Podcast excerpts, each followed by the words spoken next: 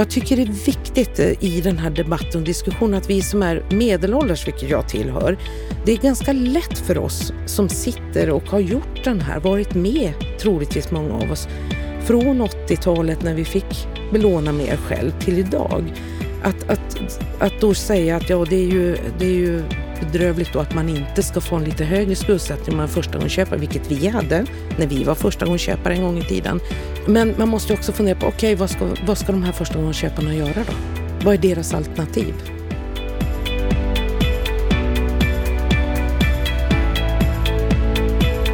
Vad är de ungas alternativ för att komma in på bostadsmarknaden? Ofta har de för kort kötid för att komma i fråga för en billigare hyreslägenhet och blir hänvisade till den dyra andrahandsmarknaden där det inte är ovanligt med hyror på 10-15 000 för en etta. Och i det läget, ja, då är det svårt att spara ihop pengar till en insats. Träffa Eva Nordström som har lett utredningen om ett statligt bolån som ska hjälpa förstagångsköpare in på bostadsmarknaden. Sedan hennes resultat släpptes har hon fått en del kritik. Bland annat att ett startlån bara är för rika och att den ökar skuldsättningen. I dagens avsnitt här av Bopolpodden så kommer Eva att svara på varför hon tror att det här är en framkomlig väg för att hjälpa fler förstagångsköpare till en bostad. Varmt välkommen till oss här på Bopolpodden. Det är ett intressant samtal som du har framför dig och efter det samtalet så kommer du att få höra en kommentar av Lennart Weiss. Jag heter Anna Bellman, mycket glad för att du lyssnar på Bopolpodden. Gå gärna in på bostadspolitik.se och förkovra dig mer i bostadsfrågorna. När det här avsnittet släpps, då är det ju fortfarande påsk, så jag tänker att vi har extra mycket tid att läsa på just nu. Tack för att du finns med oss. Nu ska vi få träffa Eva Nordström.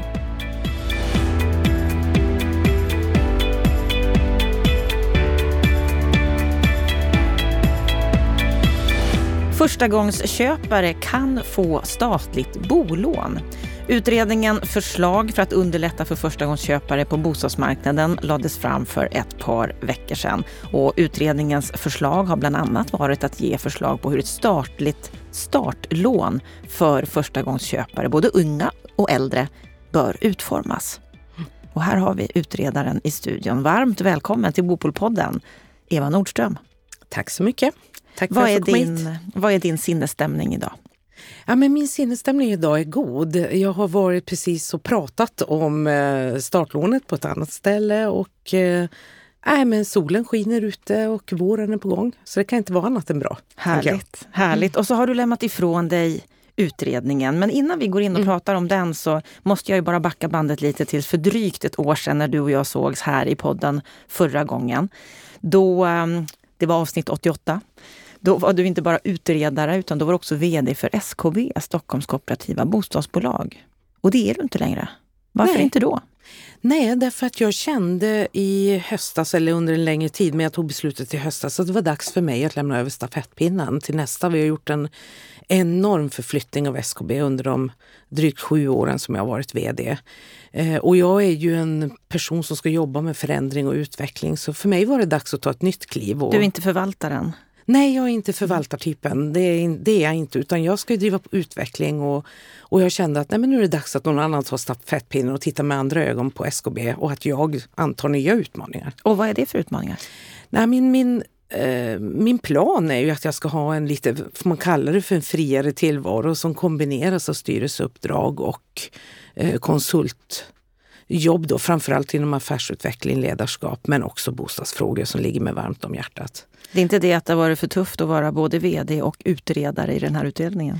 Nej, det har varit tufft att vara både utredare och VD, det ska jag ju ärligen säga. Men, men det var inte det som, som har fällt avgörandet utan det var mer att jag jag är en sån person, att vara sju, åtta år på samma ställe, det är en lång tid för min personlighet. Så att det var dags för mig att, att göra något annat. Men SKB är en fantastisk pärla som nästa vd får ta vidare. Och nu är du också klar med den här utredningen och när vi då sågs i mars 2021 så sa du att det här uppdraget är inte så enkelt som det kan låta. Det är en otroligt snabb utredning, men att du hade stora förhoppningar om att kunna lägga ett förslag som politikerna skulle kunna klubba igenom.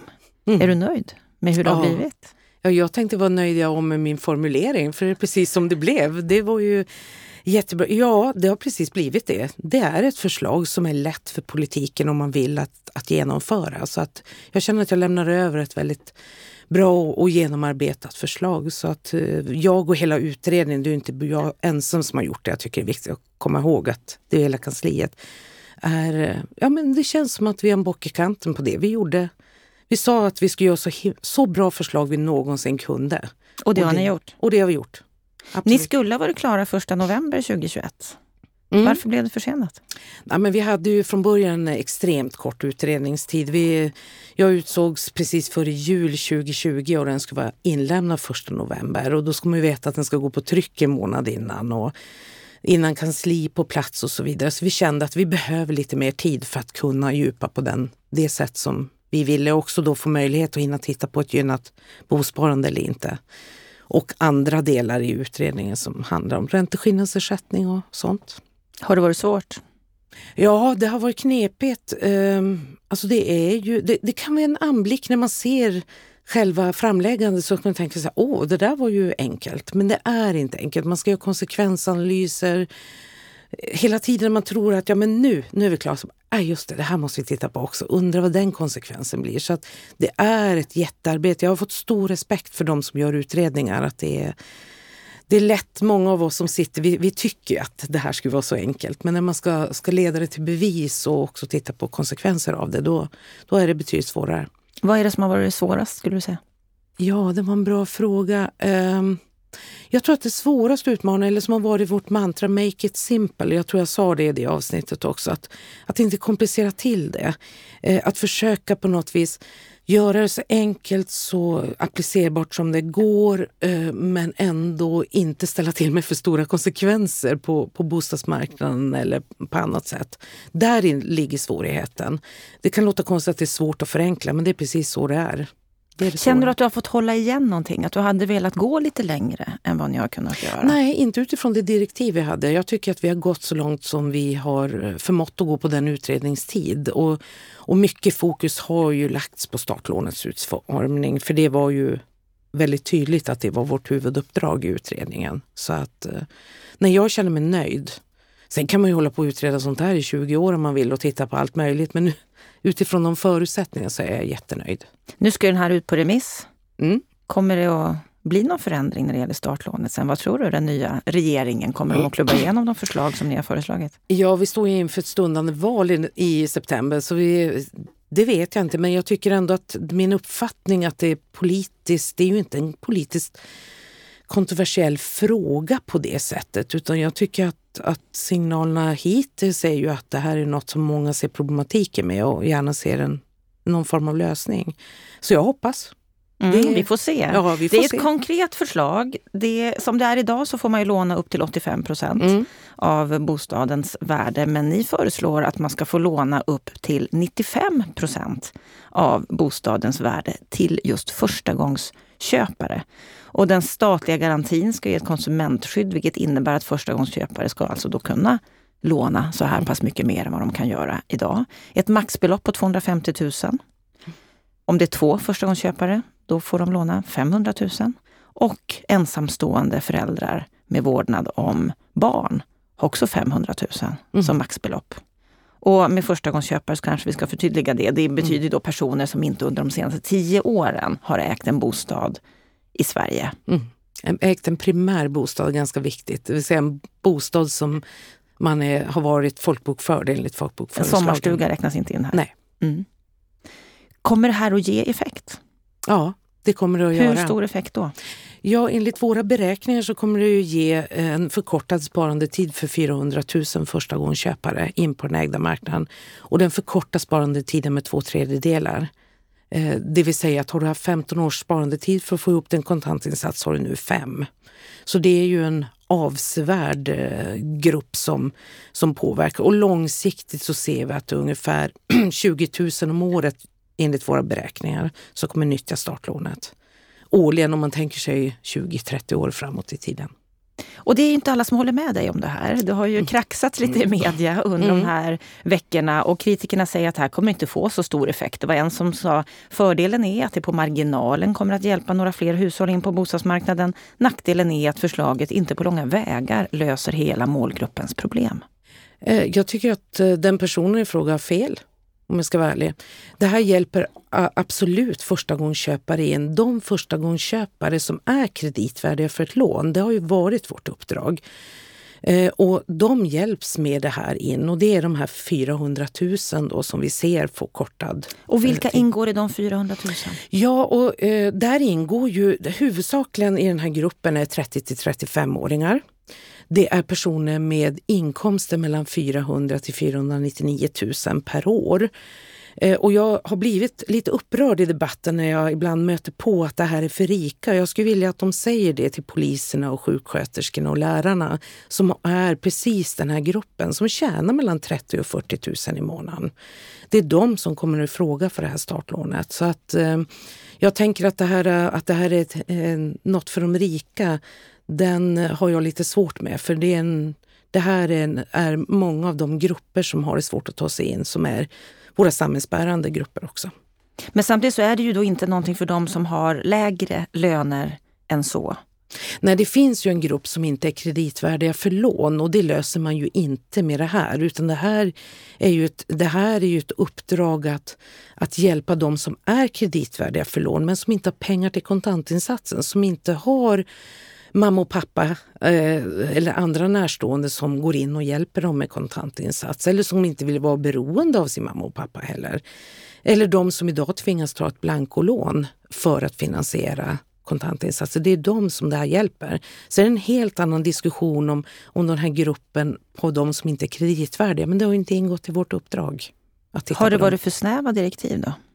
Nej, alltså politiken styr ju direktiven och jag tänker som särskild utredare får man ju utgå från det. Och ibland så tänker jag också att vi i bostadssektorn, vi, har, vi måste själva, eftersom jag är en del av det, eh, ibland får man ta, man får ta en sak i sänder och det här löser inte eh, den delen för de som inte är kreditvärdiga. Men det här löser det för de som är kreditvärdiga men som ändå inte tar sig in därför att de inte har en kontantinsats. Och det är ändå ingen, det är ingen marginell grupp med 400 000 personer. Det, det är några stycken. Ja, det är mm. många. Du berättade ju här om att eh, styrkan med det här startlånet är att det ersätter blankolån. Om mm. du bara ska förklara för oss som inte har varit inne i utredningen så noga. Den här konsumentgarantin mm. som eh, ni ju då föreslår ska finnas där. Det betyder ju vad jag förstår att bankernas risk minskar med att låna ut pengar till 95 procent av bostadens värde. Vad är tanken? Ja, tanken är så här, vi har ett bolånetak i, i Sverige som säger att man får låna ut till 85 procent. Men i den, de allmänna råden från Finansinspektionen så står det att man får låna ut mer än 85 procent om konsumentskyddet upprätthålls mot individen. Och det är där den här statliga garantin går in. Det vill säga att den går i det fallet in eh, för de här 10 procenten som man då får får låna mera eh, än vad bolånetaket är. Och skulle någon då sälja en bostad med förlust och där man först har tappat sina egna 5% för det får man inte glömma bort att man ska fortfarande bidra med 5% och det finns kvar en restskuld eh, för, från startlånet, startlånedelen av bolånet. Då tar staten över den restfordran och banken blir då skadelös, det vill säga att de får den här ersättningen av staten. Och sen har staten kvar fordran mot förstagångsköparen och man får betala tillbaka det i, i form av mjuka återbetalningsvillkor som vi har sagt. Det vill säga första två åren är betalningsfritt och sen betalar man procentuellt mot sin inkomst. Men lånet ska ju betalas tillbaka till staten. Så det är inte någonting som efterskänks? Nej, det, vi har föreslagit att i vissa väldigt speciella fall, till exempel du skulle drabbas av svår allvarlig sjukdom vilket gör att du, du eh, inte har så mycket disponibel inkomst så ska det finnas ett, en möjlighet att skriva av den, men det ska vara undantagsfall. Och det du berättar här, det är ju som sagt då att det här gör det lättare för bankerna att ja, låna ut pengar? Absolut, det gör det. Ja, idag lånar ju bankerna ut ett blankolån istället om personen inte har då kontantinsatsen själv. Så att i det här fallet så bankerna de får låna ut till 95 procent. De har en garanti från staten, om man bara tittar på bankernas perspektiv, en garanti från staten att Säljs inte den här till, till, till det den köptes för så går då eh, garantin in och täcker de här 10 procenten. För bankerna går ju också mycket på den här kvar att leva på mm. uträkningen, kalkylen, mm. kalpkalkylen. Ja. Men det påverkas inte av det här? Jo, det påverkas positivt ska jag säga av det här. Därför att eh, om, om du har ett 85-procentigt bolån i vanliga fall och så lånar du ett blankolån ovanpå det så ska ju även den kostnaden räknas in i kvar-och-leva-på-kalkylen. I det här fallet så så ehm, eh, får du ett 95-procentigt bolån med helt andra räntenivåer och helt andra amorteringskrav. Och jag gjorde ett räkneexempel när jag hörde det här att, att det, det lyftes åsikter om att det är ingen skillnad mot ett blankolån, att det skulle vara ett slag i luften. Um, så är det ju, det stämmer ju inte. Jag tog en, en ett rum och kök på 2,5 miljon med 250 000 i startlån och 5% i egen insats.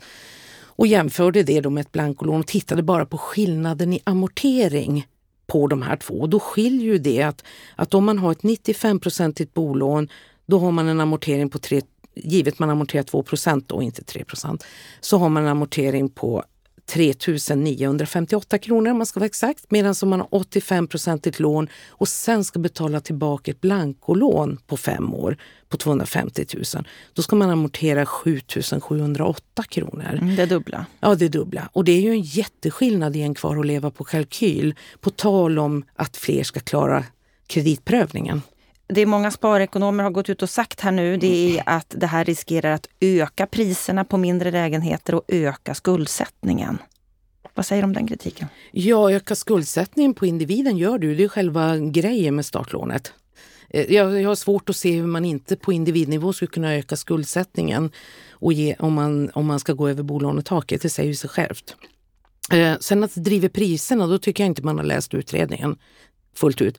Det skriver vi i utredningen. Våra beräkningar på 400 000 förstagångsköpare bygger på att vi har tittat på hur mycket ökade deras köpkraft med startlånet. Och sen har vi gjort en worst case. Vi har sagt okej, okay, låt oss anta att allt det här slår igenom på bostadspriserna.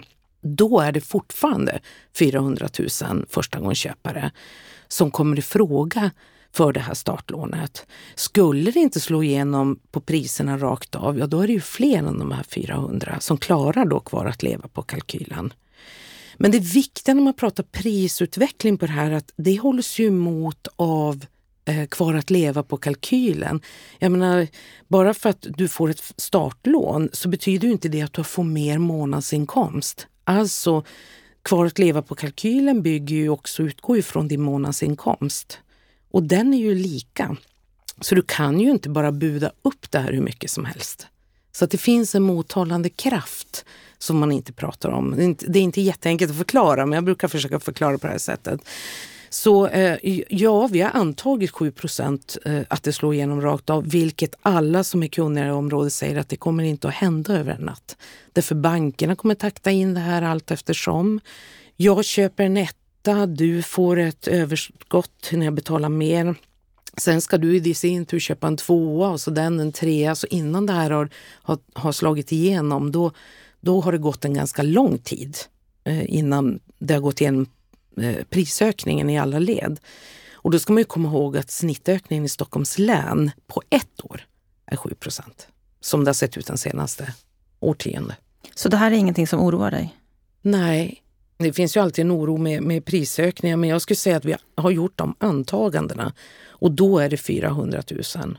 Och det är klart, givet de prisökningarna, om vi skulle säga att det slog igenom 7% rakt av så är det ju ett antal, och det kan man läsa i konsekvensanalysen, som då tidigare hade kunnat eh, kvalificera sig för ett lån men nu gör det inte. Men ändå, trots det, så är det 400 000 som man hjälper. Och då kan jag inte tycka att, att eh, det skulle vara en åtgärd som inte fyllde sitt uppdrag.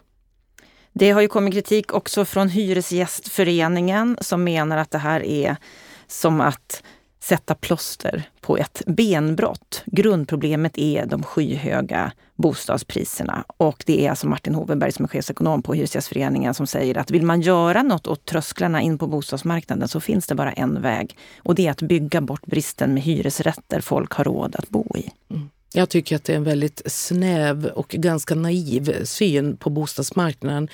Jag tycker att, att, och det har jag varit i alla mina roller, blandade upplåtelseformer är, vik, är det bästa. Det är viktigt med billiga hyresrätter, det är billigt, viktigt med nyproducerade dyrare hyresrätter. Det är viktigt med ett ägt boende och det är viktigt med kooperativ hyresrätt.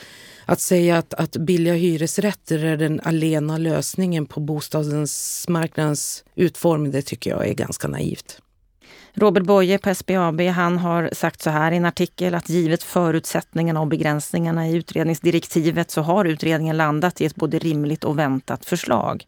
Det utredningen dock hade behövt titta på för att lösa målgruppens problem är effekten av de samlade restriktioner som slår mot den aktuella gruppen, som amorteringskrav och bankernas kalkylräntor.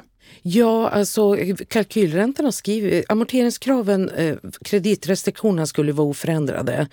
Det var utgångspunkten i direktiven så de har inte vi tittat på. Ni har inte tittat på dem alls? Nej, vi har inte tittat på amorteringskraven. Det har inte ingått i vårt uppdrag. Vi har också tittat på, på kalkylräntorna och det vet du att, att eftersom du namnger Robert Boye så har han ju själv varit ute i det. Och det är ju en fråga som bankerna själva sätter. Det är ju inte en fråga för lagstiftaren. Så att det är ju kanske inte den här utredningens uppdrag att, att gå, be staten gå in och detaljreglera hur bankerna ska, ska bedöma sin riskaptit. Eh, och andra faktorer för, för sin kalkylränta. Det, det ser inte jag som en, personligen som en statlig upp, uppgift och det tror jag inte heller att bankerna skulle vilja. Men är det möjligt att ge ett riktigt rättvist förslag på det här området utan att titta på kreditrestriktionerna och amorteringsvillkoren? Ja, men alltså jag tänker att man, man kan ju alltid i alla frågor i samhället tänka så här, ja vi kastar upp alla kort i luften och så gör vi något helt nytt. Um, det är ju en väg att gå. Men i det här fallet så tänker jag att utifrån de givna förutsättningar vi har just nu eh, så tycker jag att man kan titta på kontantinsatsdelen, vilket var en utmaning då i det här fallet. Eh, och fundera på hur kan, hur kan man lösa det då? Det betyder ju inte att inte man i ett annat läge kan titta på amorteringskraven eller på helheten. Men, men jag, någonstans så tänker jag att, att ska vi komma framåt måste man ibland också ta en bit, man måste tugga en bit i sänder ibland. Och det här är ju ett sätt och en pusselbit i den totala bilden av bostadsmarknaden. Mm, du går inte ut och säger att du löser alla problem, det är ju väldigt tydligt. Nej, det vore ju att ha en ganska hyfsad grandios självbild ska jag säga, så det gör jag inte. Jag har ju tagit upp här några som har varit kritiska. Jag ska ta upp en som är positiv också. och det är Johan Nyhus på HSB som är förbundsordförande där. Han säger att startlån är bästa bostadsförslaget som lagts på många år. Mm. Men sen så kan han ju ändå inte låta bli. Och så säger han så här att vi hade gärna sett att utredningen även föreslagit ett gynnat bosparande. Det hade tillsammans med ett startlån varit ett ännu kraftfullare paket för att ytterligare underlätta för den som ska ta sig in på bostadsmarknaden. Mm. Jag, jag är inte förvånad. Det är ju en fråga som, som HSB har drivit i många år, detta med gynnat bosparande. Men jag tänker att bara med startlånet så har man kortat sparandetiden med två tredjedelar från, eh, för individen och också minskat spar, behovet av sparande belopp med två tredjedelar. Det i sig är ju en kraftfull åtgärd som underlättar för, eh, för de här. Att, att då kräva att personen själv ska spara 5% tycker inte jag är ett helt orimligt krav om man ska gå in på en ägd marknad där man ändå belånar sig till 95% Att man själv har kunnat påvisa att jag kan spara ihop 5% Men vi har inte lämnat gynnat bosparande. Kortsiktigt kan jag säga så är ju startordnet det absolut mest effektiva på, som kan börja egentligen bli, lösa den här utmaningen på en gång så fort det lanseras.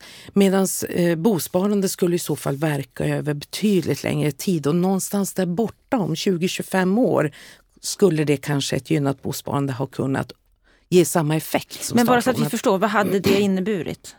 Ehm, det gynnat bosparande. Det är ju så här, när vi tittar på det idag så är det så att vi kan konstatera att de som kan spara, sparar redan. Och en subvention, eller gynnat bosparande skulle gå, en subvention skulle gå till de som redan sparar. Och vi har ju ett sånt förmånligt sparande i form av investeringssparkonto redan idag. Ehm, och det kan man ju använda för ett, ett sparande. Och, och, då kan man ju, men vi gjorde ändå så här, vi tänkte att ja men okej, låt säga att vi, vi tittar på ett, ett bosparande som skulle bara göra hälften så stor effekt som startlånet så skulle det kosta 11 miljarder kronor årligen för staten. Och då ska man jämföra det med startlånet som är självfinansierat eh, genom då den här garantiavgiften som individen betalar. Eller förlåt, banken, bolåneaktören betala, men som nog troligen blir individen i nästa led. Eh, och, och då kan man ju fundera på om, om man har de där 11 miljarderna då, då går det till de som redan sparar, som redan har möjlighet att avsätta. Och det vi speglar upp istället det är ju att om staten då ändå skulle vilja titta vidare på det här med, med bosparande eller gynnat bosparande, då kanske man ska titta på ett barnbosparande. Det vill säga ett sparande där staten sparar till varje barn mellan 0 till 18 år. Det är 2,3 miljoner barn i Sverige. Det är ingen liten, liten grupp. Att staten då skulle spara 400 kronor i månaden till varje barn. Det skulle innebära att varje barn vid 25 års ålder, givet 4 avkastning, skulle ha 168 000. Och då skulle det inte spela någon roll vad dina föräldrar har för förutsättningar eller på annat vis. Det skulle vara mycket mer fördelningspolitiskt rättvist att ha ett sådant barnbosparande istället. Men det, vi lägger inget förslag, förslag därför att det här är en fråga som man behöver i så fall djupa i ytterligare i, i, och det skriver vi att då föreslår vi att man i så fall tillsätter en separat utredning. Som ja, för ni tar ju upp det i utredningen mm. och berättar ju att ni har tittat på det utan att gå in för djupt ja. på det. Men varför nämner ni det? Nej, men för att det var viktigt att titta på frågan om ett gynnat bosparande generellt. Det är en fråga som har varit uppe i debatten och, och då tycker jag att det kan vara viktigt, när vi såg i utredningen att det här blir ju blir en liten sned fördelningsprofil eh, på det. Det är de som redan sparar som skulle dra nytta av det här. Då kan det vara viktigt att spegla, okay, vad skulle man alternativt kunna göra med samma mängd pengar då från statens håll om man verkligen vill underlätta för alla första gång köpare framöver. Vilket då startlånet gör alla de som är kreditvärdiga.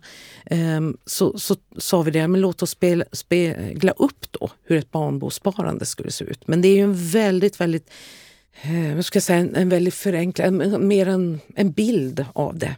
Men utformning av något sådant, det kräver en helt annan utredning med konsekvensanalyser. Och samtidigt när du berättar om det så låter det verkligen som att det är ett sätt att minska klyftorna som ju bara växer i vårt samhälle idag. Mm. Att alla barn skulle ha ett startkapital att kunna ta sig in mm. på en boendemarknad. Ja. Varför har ni inte lagt något förslag kring det? Nej, vi har valt att i det här fallet lägga startlånet för att den ger en omedelbar effekt som också är bra ur någon sorts eh, eh, samhällsperspektiv och, och, för de som inte har kapitalstarka föräldrar som kan gå in med 15 procent i kontantinsats så är det en omedelbar effekt just nu för dem. Men, men vi vill ändå flagga upp för att det här är en fråga som man men då kanske vi pratar effekt om 20-25 år. Eh, att det också skulle vara intressant att titta vidare på men inget som vi lägger ett skarpt förslag om. Och det handlade ju också lite om vår utredningstid. Extremt kort utredningstid. om ni hade haft längre tid då hade ni kunnat lägga förslag? Ja, vi hade nog behövt, jag ska inte säga att vi hade lagt förslaget om det men vi hade, hade kunnat djupa ner i exakt hur en sådan konstruktion i så fall skulle se ut. Och det har ju inte vi haft möjlighet att göra. Utan vi gjorde det mer som ett räkneexempel för att bara öppna eh, för personer att fundera på, aha, just det. Så här skulle man ju också kunna tänka för samma summa pengar. Det är också så att de där 11 miljarderna ska i så fall finansieras på något sätt. Och det har vi ju inte tittat på heller. Nu har du ju som sagt lämnat ifrån dig materialet. Det ska ut på remiss. Mm. Hur kommer det att tas emot tror du? Jag tror att det kommer att huvudsakligen tas emot positivt. Jag tror att många tycker att vi, även kritikerna, att vi har gjort ett bra och genomarbetat förslag. Det har jag hört. Sen tycker jag att det är en del i en demokrati att faktiskt få ha olika åsikter, att få ha olika perspektiv på saker och ting. Och det kommer säkert att komma en hel del förbättringar också kanske, eller nytt eller något perspektiv man vill tillföra utredningen eller kanske någon som tycker att nej, det här tycker inte vi är bra. Men jag tror att majoriteten kommer att vara bra och positiva yttranden. En, en kritik som vi har nämnt här det är ju mm. just det där med att hushållens skulder skulle öka ännu mer, precis som det ju gör när människor mm. tar mer lån som du var inne på här. Men det är ju också Finansinspektionens främsta argument till att behålla kreditrestriktionerna, att mm. vi ska inte skuldsätta oss mer. Mm. Hur tror du att Finansinspektionen kommer att ta emot det här förslaget? Ja, Finansinspektionen har suttit med i expertgruppen tillsammans med Bankförening och Sparbankernas riksförbund och Riksbanken för att nämna några exempel som är inte helt ovetande om detta. Vi har också haft en, en utredning som jobbar till vardags på Finansinspektionen, så kompetensen. Men Finansinspektionen har ju själva i sina allmänna råd skrivit att man kan eh, låna ut mer än 85 procent om konsumentskyddet upprätthålls. Så det är klart att, att eh, de skriver själva i att det kan göras. Så nu har vi hittat en konstruktion som möjliggör det. Eh, men sen hur de ställer sig i, i ett remissförfarande, det, det är ju upp till dem att, att göra, tänker jag. Och när ska den remissrundan vara klar? Eh, jag tror att det var augusti, hörde jag. Alltså mm. efter sommaren ska remiss, remissrundan då vara kvar, klar. Lämpligt inför valet? Ja, någonting så kan det vara. att bita i för en eventuell ny regering här? Ja, det kan vara någonting att diskutera. Men jag tänker, om jag bara får lägga till något om det här med skuldsättning. För jag tänker också att ibland låter det som att eh, jag kan förstå oron för skuldsättning, men man måste också fundera på vad har de här förstagångsköparna för alternativ marknad? Det är ju inte så att det står hyresrätter på rad och väntar på dem. Utan de ju, har ju ofta kort kötid, det vill säga de kommer inte i fråga för det billiga Eh, hyresrätt billigare hyresrättsbeståndet. Och då är man hänvisad till en andrahandsmarknad och en nyproduktion av hyresrätter. Och då är det inte ovanligt att man betalar 10-15 000 för ett rum och kök. Eh, och, och det gör ju att de hamnar i någon sorts moment 22. De får inte över några pengar att faktiskt spara för att kunna ta sig in i det. Och jag tycker det är viktigt eh, i den här debatten och diskussionen att vi som är medelålders, vilket jag tillhör, det är ganska lätt för oss som sitter och har gjort den här, varit med troligtvis många av oss, från 80-talet när vi fick belåna mer själv till idag. Att, att, att då säga att ja, det är, ju, det är ju bedrövligt då att man inte ska få en lite högre skuldsättning om man är förstagångsköpare, vilket vi hade när vi var förstagångsköpare en gång i tiden. Men man måste också fundera på, okej, okay, vad, ska, vad ska de här förstagångsköparna göra då? Vad är deras alternativ? Det, det, man kan inte titta på en fråga helt isolerad, man måste fundera på vad är då alternativen? Saknas den synen, tycker du, när vi diskuterar de här frågorna? Ja, jag vet att jag stod i någon panel här under min utredningstid och sa till några ungdomsförbund som var med där, ordförande, att jag är förvånad att ni inte är mer arga. För jag, det, är, det här är ju en, en, utmaning för våra unga. Där de är utestängda från den hyrda marknaden med för korta kötider och kommer inte in på den ägda marknaden utan är hänvisade till den dyra. Och det tycker jag, vi som är äldre och var med, vi har ett ansvar för att hjälpa de här in på bostadsmarknaden. Det, och jag hoppas att de blir lite mer arga på sina politiska partier oavsett vad de tillhör för att få upp bostadsfrågan på agendan. Så att det händer något? Ja. Vad hoppas du ska hända nu? Jag hoppas ju som utredare att det här förslaget eh, blir verklighet. Det hoppas jag. Kommer det att bli det? Om du får gissa? Ja, jo, men det tror jag. Det tror jag. Vi ska genom ett val nu, vi ska få en ny eh, politisk ledning. På, eh, men efter det någon gång så, så tror jag att den här frågan kommer att, att hanteras. Sen om det blir nu eller om det blir sen, men, men jag tror absolut på det. Då får vi hoppas mm. att du får rätt här. Eva Nordström, tack för att du kom till Bokkolpodden. Tack för att jag fick komma.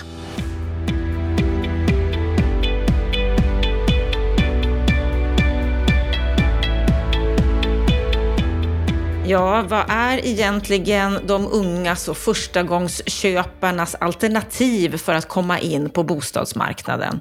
Då har vi hört samtalet med Eva Nordström, en förkyld och ja, lite krasslig Lennart Weiss. Vad säger du om det här samtalet? Ja, jag är krasslig, eh, Anna, men jag är väldigt nöjd. Jag tycker det var ett väldigt bra samtal. Eh, det är alldeles uppenbart att du fick möjlighet att intervjua en nöjd och, och synnerligen tillfredsställd utredare.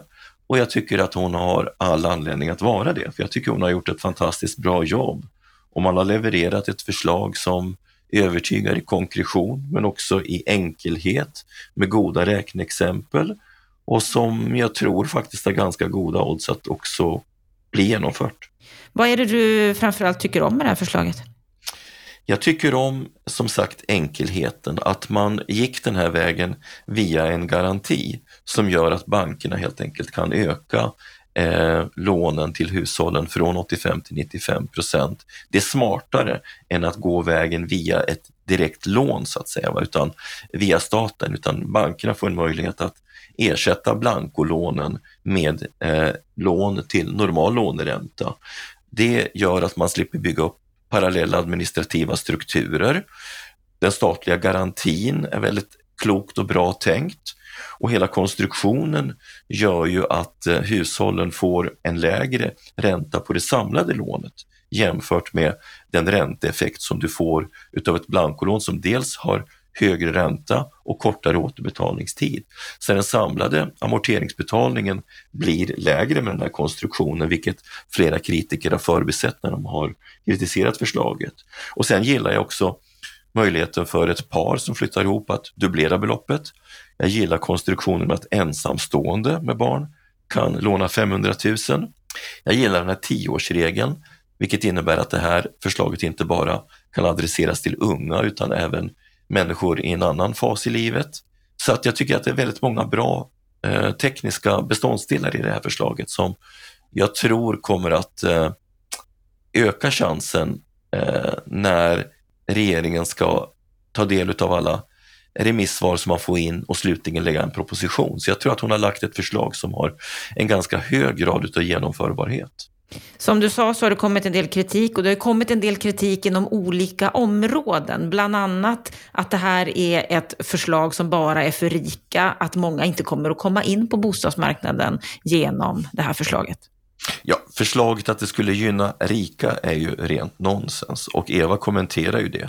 Utredningen presenterar ju eh, analyser som visar vilka grupper som kommer att komma in. Och hon uttrycker det ju själv som att det kommer att hjälpa förstagångsköpare som är kreditvärdiga och som har tämligen normala inkomster. Och exemplifiera med poliser, sjuksköterskor, lärare som verkligen inte är några höglönegrupper idag. Det är ju tvärtom eh, näst, i princip grupper som, som tangerar låglöneyrkena och att de grupperna har då en chans att etablera sig på bostadsmarknaden och därmed också den arbetsmarknad i de regioner som behöver de här grupperna. Det är ju kolossalt viktigt för hela samhällsbygget. Så att där, där har ju helt enkelt kritikerna fel.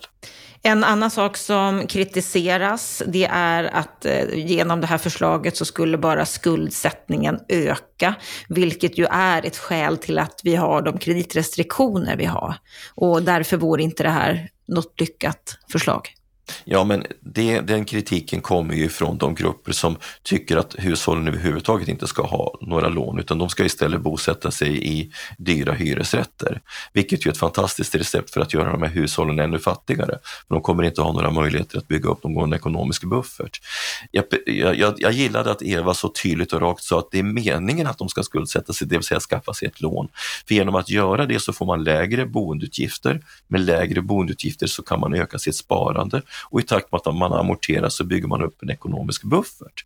Så att det är ju tvärtom det här är ju tvärtom ett recept för hushållen att skaffa sig en bottenplatta i livet som gör att de får en ekonomisk utveckling och ökad ekonomisk handlingsfrihet, ökad valfrihet i livet. Så att jag, jag tycker det är fascinerande att det är just från traditionella högerekonomer, alltså konservativt lagda personer som tycker att det här med lån, det är någonting som bara ett privilegium för redan rika grupper, respektive vänsterteoretiker som tycker att människor istället ska bo i hyresrätter och vara permanent fattiga för resten av livet. Det är de som förenas i kritiken. Och så har det ju varit i hela den här debatten om kreditrestriktioner. Det är liksom eh, eh Vänsterpartiet och Hyresgästföreningen i, i allians med med tämligen eh, konservativa högerekonomer som förenas i, i, en politisk kritik, vilket ju jag tycker är tämligen komiskt men också ganska träffande för, för, för hur höger och vänster har en tendens att förenas i den politiska debatten. Och om vi ska fortsätta på det spåret så frågade jag ju henne också om vad hon sa om Martin Hoverberg, han som är chefekonom på Hyresgästföreningen, om hans kritik här. Och jag ska läsa hela det citatet som han, som han har sagt. Och han har sagt så här att startlån för unga bostadsköpare är plåster på ett benbrott. Grundproblemet är de skyhöga bostadspriserna.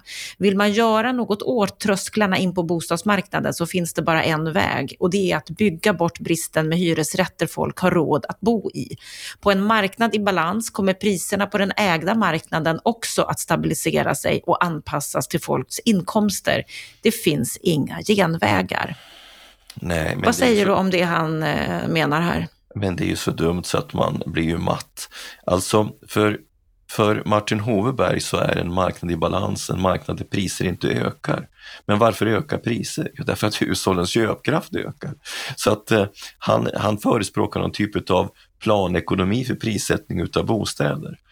Och den här ideala eh, marknaden den ska då uppstå först genom att staten subventionerar de hyresrätter han önskar och sen så ska vi alltså den vägen få en konstlad sättning utav priserna, vilket i praktiken utlöser en kris i det finansiella systemet. Och den krisen då, den ska då gynna de som har den svagaste positionen på bostadsmarknaden.